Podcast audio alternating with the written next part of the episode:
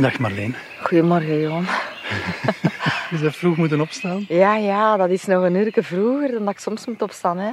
Als ik uh, moet vertrekken uh, voor opnames in Leuven, dan sta ik om vijf uur op om zes uur te vertrekken. En nu ben ik echt wel om vier uur opgestaan. Ja. Alleen vier uur ging de wekker af, ja. Is dat moeite gekost?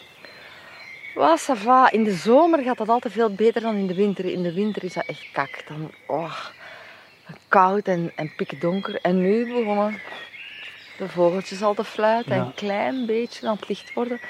Dus uh, het ging wel. Wat niet wil zeggen dat ik straks niet terug ga slapen. Wel. We staan in het uh, Stadspark in Antwerpen. Uh -huh. Niet meteen het grootste natuurgebied. Dus we gaan hier de, de vogels, maar ook de stad horen ontwaken. En we zijn hier om, uh, om jouw broer Peters te herdenken. Hè? Een beetje, hè? ja. Wat voor iemand was hij? Een fijne om te herdenken, een, een fijne mens, een goede mens. Uh, ja, het beste karakter dat ik ken. Um, heel veel verdriet van dat het er niet meer is. Um, mijn maatje, door dik en dun. Ik kan er nog heel veel superlatieven over zeggen. Hè, maar... Een groot verlies. Ja, tuurlijk. Ja, dat is allemaal heel persoonlijk, maar voor mij wel natuurlijk. Hm. Ja. Zullen we wat wandelen? Ja, cool. Nooit werd afscheid nemen van een dierbare zo beperkt. Nooit was verdriet zo moeilijk te delen. Dat zijn de verhalen van rouw die we in deze podcast proberen te vertellen. Vroeg in de ochtend, nog voor zonsopgang, praat ik met mensen die woorden proberen te geven aan het verlies. In de hoop dat met de zon ook echt een nieuwe dag kan aanbreken.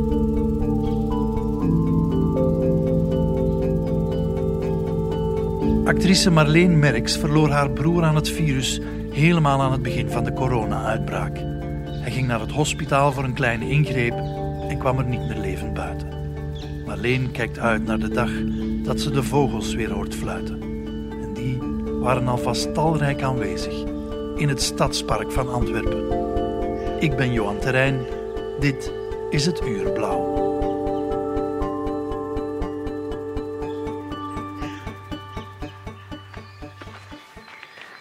Is er precies gebeurd met Peter? Uh, mijn broer is gestorven de 26 maart aan corona. Wat is er met hem gebeurd? Hij had natuurlijk een onderliggend probleem. Uh, hij kreeg chemo, maar dat liep eigenlijk allemaal vrij goed. De bedoeling was dat hij zou ja, genezen, dat hem nog een aantal jaren was gegund. Maar hij had een operatietje gekregen aan zijn rug, een geknelde zenuw in zijn rug, waarvan hij heel veel pijn had.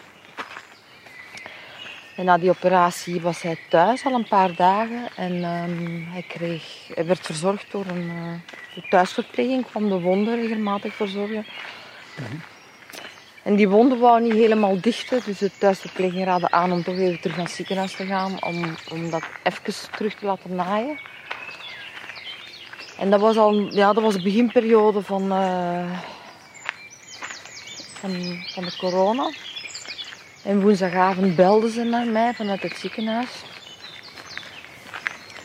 Van, uh, uw broer heeft koorts gemaakt en uh, we hebben hem meteen uh, een, een COVID-19-test gedaan en hij is positief bevonden. Dus we schrokken heel erg toen. Ja, dat was het laatste wat dat wij dachten dat er kon gebeuren met hem, omdat hem door zijn ziekte eigenlijk sowieso al geïsoleerd leefde samen met zijn vriendin. En een paar dagen voordien hadden wij er nog een klein grapje over gemaakt, zelfs van ja, zo van ah, het laatste wat er nu met onze Peter moet gebeuren is dat hij, uh, dat hij corona krijgt, al lachend een beetje. Ja. Dus toen als ze dan belden vanuit het ziekenhuis van hij is positief bevonden, was dat iets onwezenlijks wel. Hè? Ja. Iets, iets wat we nooit hadden verwacht. Precies een slechte grap. Een slechte ja. grap, ja. En uh, ja, eigenlijk heeft hij maar een paar uur meer geleefd. Na... Oh, zo snel. Ja. ja. Dus de volgende morgen, volgende voormiddag, belden ze al vanuit het ziekenhuis dat hij overleden was.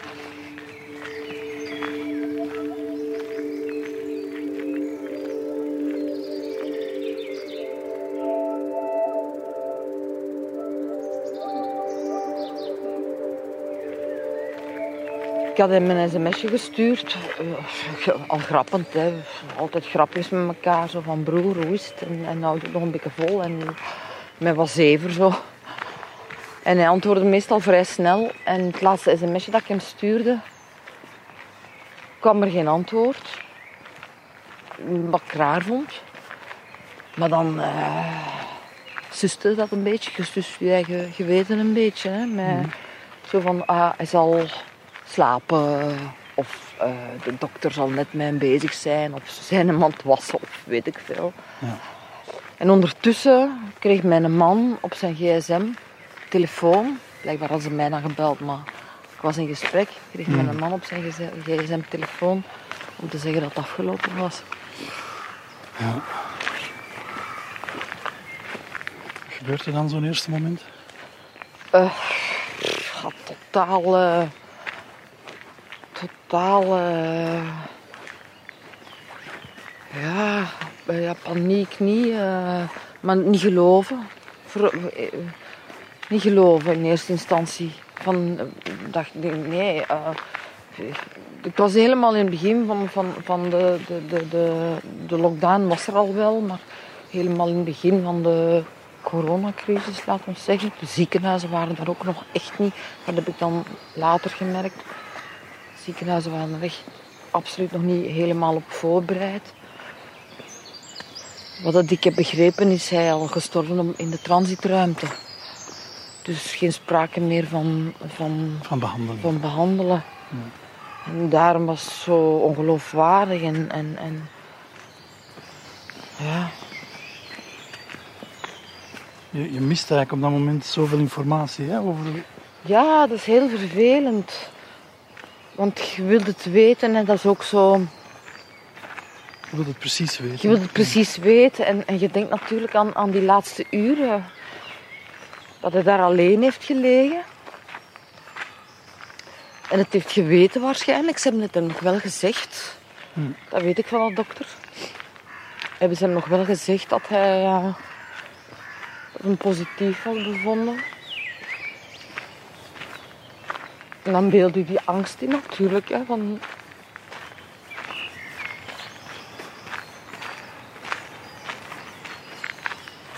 Ja, dat hij moet gelegen hebben, helemaal alleen. Die laatste bange uren.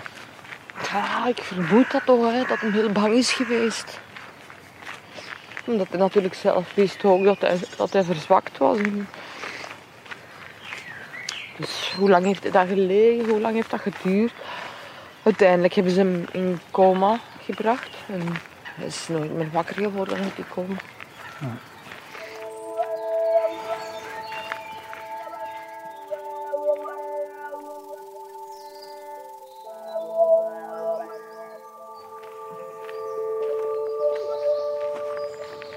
kregen dan nog wel toelating om hem te gaan groeten.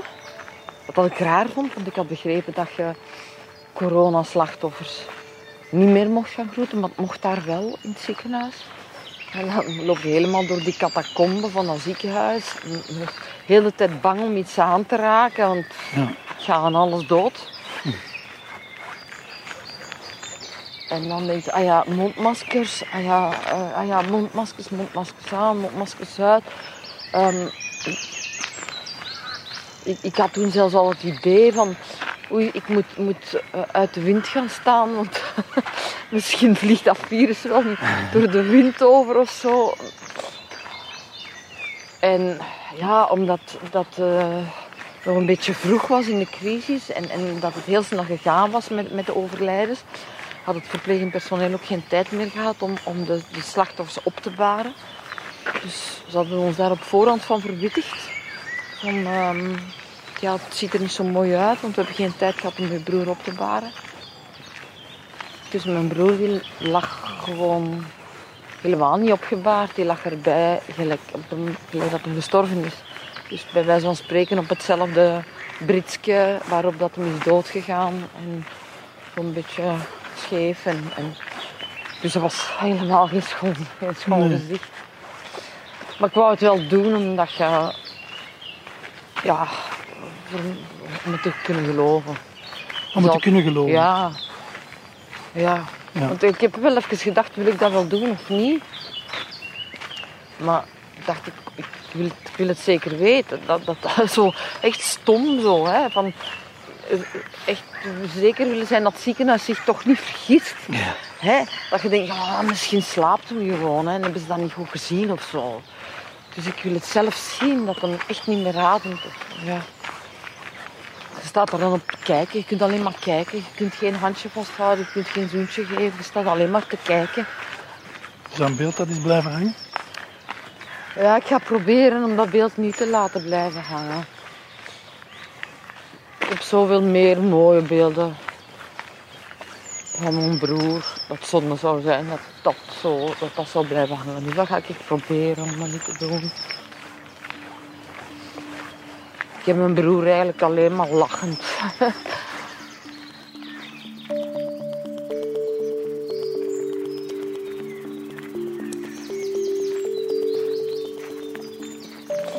Oh, kijk, een konijntje weer. Een roze konijntje. Wat tof, hè? Dat je dat hier nog ziet, midden van de stad. Ziet er wel een tamkonijntje uit eigenlijk. Hm? Oh, wat schattig. en dan ja, voor de rest die begrafenis. Oh, het heeft mij langs de ene kant goed gedaan. Ik ben daar een week mee bezig geweest. En, en, en dan moest ik ook... Dat, dat kon ik mijn verdriet een beetje wegdringen. Zo. Van, we zijn met praktische dingen bezig en dat was dan wel goed. Het eerste dat ze vragen is, uw broer gestorven aan corona. Dat is al de eerste vraag. Ja. Dus ja. Dus dan moeten er extra veiligheidsmaatregelen genomen worden. Dan vraagt die meneer welke kist wilde. Ik, wat kan mij dat nu schelen, welke kist? Ik wil geen kist, want die wordt toch meteen... Allee, ik, ik vond het wel raar. Ik steek hem in een kartonnen doos en dan in het vuur. Maar dat blijkbaar mag allemaal niet. Dat kan allemaal niet. Dus heb ik gezegd, ja, gewoon de goedkoopste kist. Toch om op te branden en we zien ze niet. En toen dacht ik al, als ik nu naar de begrafenisondernemer in Morsel rijd, is dat een, om een urne te gaan kiezen voor mijn broer. Is dat een onnodige verplaatsing of niet? Zo. rare vragen die je Ja, stellen. hè? ja, rare vragen die je gaat stellen. Is dat een onnodige verplaatsing? Dus ik was online gaan kijken, maar ik vond die dingen allemaal even lelijk, spuuglelijk. En ik dacht, oh nee, bitte, ik rijd toch even... Oh. Eigenlijk vond ik het van mezelf onnozel, want ik denk van... Het zal, het, zal, het zal mijn broer echt worst geweest zijn. Hè? In, in, in wat voor doos dat hij zou begraven zijn. Echt, dat kon hem niks schelen. Die zou altijd gezegd hebben, steek me in een sigarenkistje, echt waar. Steek me in een sigarenkist en weg ermee. Ik, maakt het niet uit. Maar toch op een of andere manier kon ik het niet over mijn hart krijgen. Ik denk, ik wil hem... Oh, jezus, wat lawaai. Amai. Goed, hè.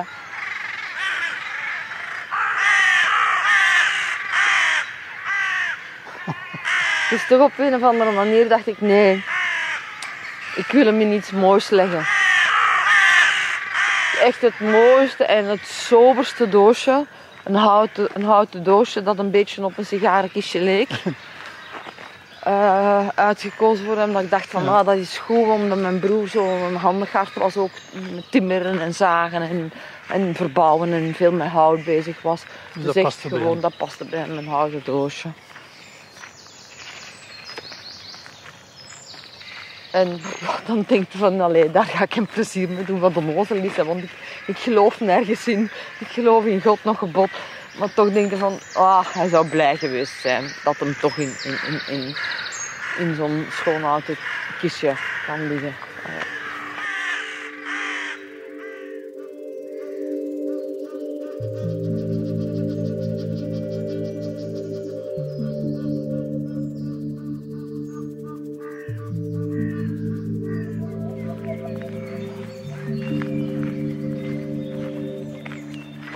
Staat daar dan op, dat- urnenveld en dat is het dan.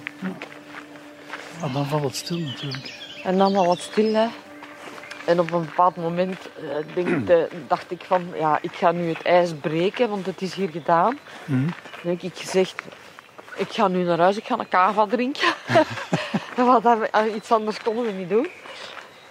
En dan gaat iedereen van, van, van, van dat kerkhof gewoon Naar naar, huis. Dat is heel onaangenaam. Heel onaangenaam. Dat is echt het grootste gemis, hè, die koffietafel die ontbreekt. Ja, ik heb dat nu ervaren dat dat, dat, dat wel, wel be- allee, belangrijk ja, dat dat wel fijn is. Dat het een, een, een goed systeem is of zo.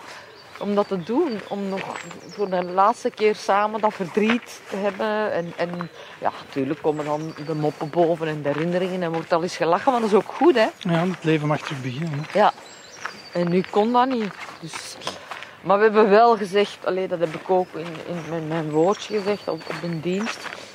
Ah, we, we gaan dat, we gaan dat doen, hè. we gaan dat later doen. Dus ik hoop niet, ja, het hangt een beetje af van de veiligheidsmaatregelen natuurlijk. Maar ik hoop dat ik in augustus bij mij thuis heel de familie mag ontvangen. En, en, en eh, Ja. ik heb, dat, ik heb dat gezegd in mijn woordje van, eh, naar mijn broer toe. Van, dit is een generaalrepetitie die op niks trekt. Die op niks trekt, maar in theater zeggen ze altijd een slechte generale repetitie. Een is een heel goed première. Ja. Dus wij gaan dat in augustus opnieuw doen en dan gaan we er een feestje van maken. Gelijk dat mijn broer het ook zou willen.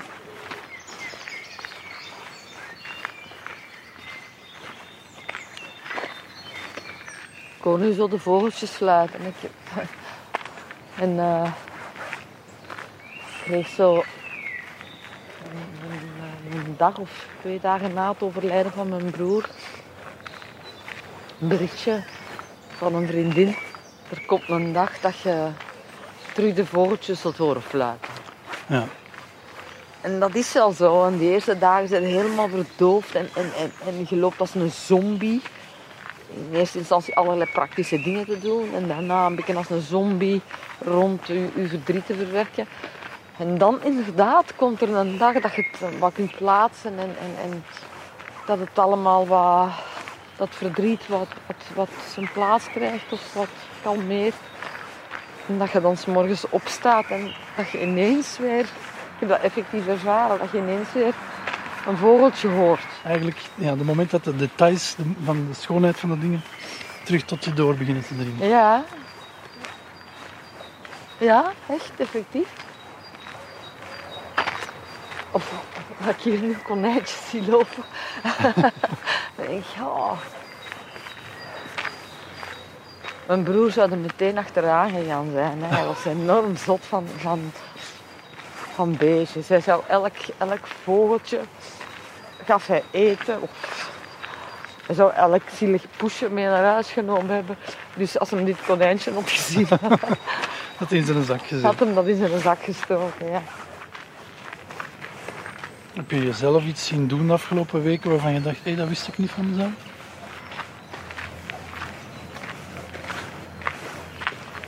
Nee, ik ken mezelf nogal goed. Ik ben heel verdrietig geweest natuurlijk. En ik ken mezelf nogal goed. En ik wist eigenlijk op voorhand dat ik na de begrafenis, hè, de begrafenis, die week voor de begrafenis, zijn bezig en actief. En, eh, er, er moeten heel veel dingen gebeuren dan. Hè. Maar ik vermoedde dat wel, dat ik daarna wel een klopje zou krijgen. En dat is dan ook gebeurd. Dus het is niet dat ik daarvan verschoten ben. Ik ging daar een beetje van uit dat het zou gebeuren. Dat is dan ook effectief gebeurd. Dat ik daarna even boem ingestort ben. En, eh, echt, ja, even, onderdoor gegaan is veel gezegd. Maar echt mijn verdriet, mijn verdriet heb, eh, heb toegelaten. En à volonté heb toegelaten zo. En eh, ja, we beginnen wenen, wenen, wenen en niet kunnen stoppen. En dan in mijn bed gelegen en geen zin om met mijn bed te komen. En dan mijn man zei van, ik kom het ba- bed mijn dochter die zei van, nee, laat mama liggen. Eh, die wisten ook niet goed wat doen, maar mijn dochter had wel gelijk. Je moet, je moet, ja, je moet dat dan laten gebeuren. En, en dacht ik ook, laat mij een dag in mijn bed liggen, laat, laat me mijn verdriet, laat het eruit komen. Het zal morgen wel beter gaan. En dat gaat dan ook zo. En dan de volgende dag staat op en gaat het beter. Maar dan komt er wel iets terug in een dag dat je het weer even... Dat moet stromen. Dus dat moet stromen. En, en dat is zo een paar keer gebeurd. Maar ondertussen zijn we... Ja... Anderhalve maand verder zeker, zes weken verder. En ça va. Nou, wat niet wil zeggen dat het nog wel iets zal gebeuren. En, en, en volgend jaar. En met Ja. kerstmis. En. Tuurlijk.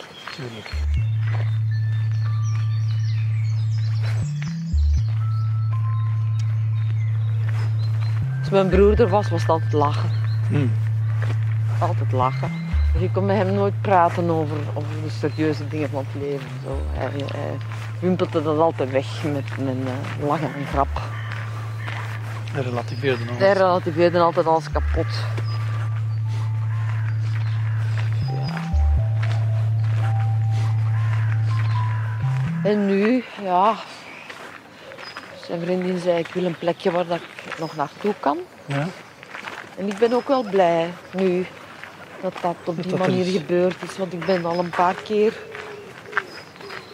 naar zijn graf geweest. En dat troost me echt. Dan is het mooi weer en wij maken daar tegenwoordig een uitstapje van. Ja. Zo, echt, gelijk een toerist met de picknickbox. Zo met de blauwe, de blauwe frigo zo, hè. En dan steken we daar ehm, een flesje wijn in en wat frisdrank. En dan, als het mooi weer is, rijden we naar Boeghout. Dan spreken we met, met, met Connie af. Om dat uur aan het graf. En dan zitten we daar zo een uurtje in de zon. En dan eten we een chipje en dan drinken we iets en dan is hem erbij. En dan zeggen we Peter Nozelaar. Hè. En met een bloemetje en een kaarsje steken we dan aan. En dat troost mij. Dat is, dat is- misschien onnozel, want je denkt, ja, kunt dat toch ergens anders ook doen. Maar dan denk ik, nee, hier is hem er een beetje bij. Een beetje gezelligheid creëren als een graf. Ja, ja. Met onze plastic frigobox. Keken de mensen raar? Nee, Nee. eigenlijk niet. Maar we zetten dan ook echt zo want eh, een potje chips op zijn steen en, en een glasje en een kaarsje en een bloemetje. En kijk, het maakt allemaal niet uit. Hè. Tuurlijk wel, dat zijn toch mooie momenten. Ah, wel ja, voilà, op welke manier dat je het ook doet, maakt niet uit. Maar mensen nee. kunnen denken van hoe stom is dat van een potje chips op, op die steen te zetten. Ja, wij doen dat dan. Olijven niet, want dat lusten we niet. Heel vaak naar de kerkhof gaan, dat weten we zelf, dat hebben we ook uitgesproken. Dat, dat, dat blijft niet duren, dat gaat minder en minder worden. Hè. En zeker in de winter.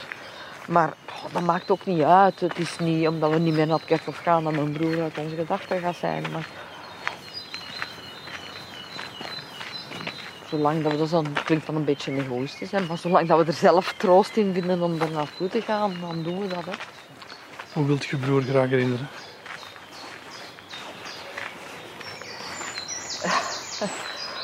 Als ehm, ja, degene waar ik altijd terecht kom. Altijd. Mijn broer is altijd met steun en toeverlaat geweest van als kind al. Als ik iets had mispeuterd, bijvoorbeeld. Als we klein waren, werden we heel streng opgevoed. Hè.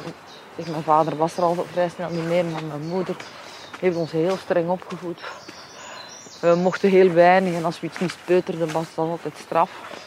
En mijn, mijn broer was dan echt degene die, als ik iets had mispeuterd, die dat op zich nam. Echt? Die zei tegen mij, "Ja, ik zal ik wel zeggen tegen ons moeder dat ik het gedaan heb, zei die dan. Echt, hè? Hoe schoon is dat? Ja.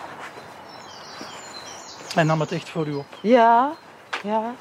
En ook later, hè. Allee, we woonden allebei in Antwerpen, dus ook later, als, als ik eens problemen had of, of, of als, als thuis eens een keer niet ging. Echt een steun en toeverlaat. Ja, echt een steun en toeverlaat. Zullen we eens op een bankje gaan zitten? Of mag dat nog niet? Je moet een een anderhalve meter van mij afdraaien. Ja, ja, dat wel. We mogen wel op een bankje zitten. Ja. Onder deze is gewoon een boom hier. Ja.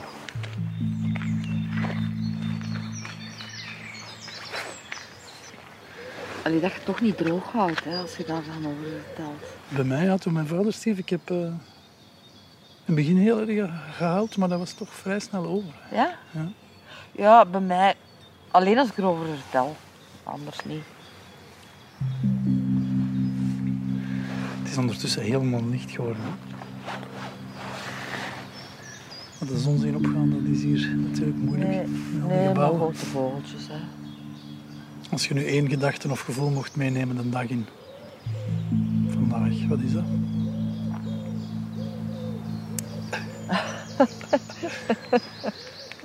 Zo'n filosofische vraag. Ehm, dat ik ervan ga genieten. Wat mooi weer want het is een paar dagen koud geweest nu terug. Dat ik, eh, dat ik van de dag ga genieten vandaag. Misschien ga ik wel op het kerkhof nog. Weet ik niet. Mijn gevoel. ehm, oh, ik kijk er gewoon naar uit om, om straks inderdaad de familie rond mij te hebben. Je wilt geen herinneringen of, of anekdotes of, of ehm, ja, leuke dingen of die er gebeurd zijn in het verleden uitspreken. Want als je ze uitspreekt, dan wordt alleen maar verdrietiger. Ik ervaar dat zo. Als ik ze dan uitspreek, dan begin ik weer te wenen. Dus dan denk ik, nee, ik ga dat niet uitspreken, want ik word daar alleen maar verdrietig over. Ik ga ze even nog, nog bewaren zo in mijn hoofd. En dan denk ik,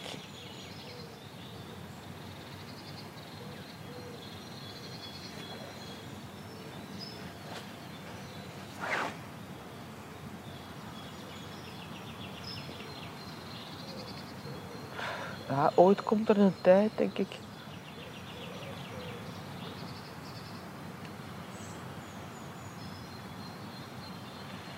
Ooit komt er een tijd dat je daar wel over spreken. Zonder te wenen.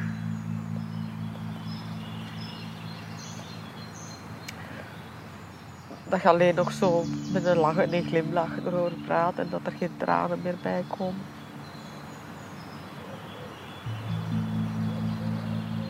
En Ik hoop dat dat al, al gaat zijn. Nee, we hebben dat gezegd. We hopen dat we in augustus mogen bij elkaar komen. En dan hoop ik echt dat we gaan lachen. Dat we echt alleen maar gaan lachen. Met de kinderen en met de familie. En dat we ongelooflijk veel anekdotes gaan ophalen en lachen. Want mijn broer heeft nogal uitgang als hij een kind was. Ja, echt. Als ik daar aan terugdenk, al dat kattenkwaad dat hij heeft uitgehaald. En dat mijn, mijn moeder, denk ik, het bloed van onder de nagels heeft gehaald. Verlangt je naar dat, naar dat moment? Ja, ja, dat dat, dat, dat gaat lukken. Over hem kunnen praten zonder te wenen. Dat, dat gaat garanteren. hè. Dat heeft nog zijn tijd nodig, maar dat gaat wel lukken. Dat we alleen nog maar gaan lachen. Hem. Het is iets om naar uit te kijken. Naar Ja. dat moment. Ja.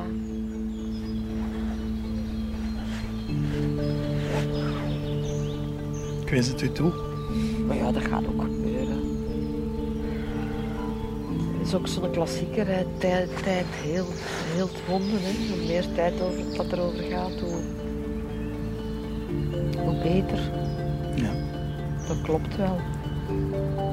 Het zijn zo momenten in het leven dat alle clichés op u afkomen. Ja, precies. dat, dat is echt, hè. Dat is echt, hè. En zo komt dat ze kloppen. Ah, wel ja, cliché is een cliché, dat,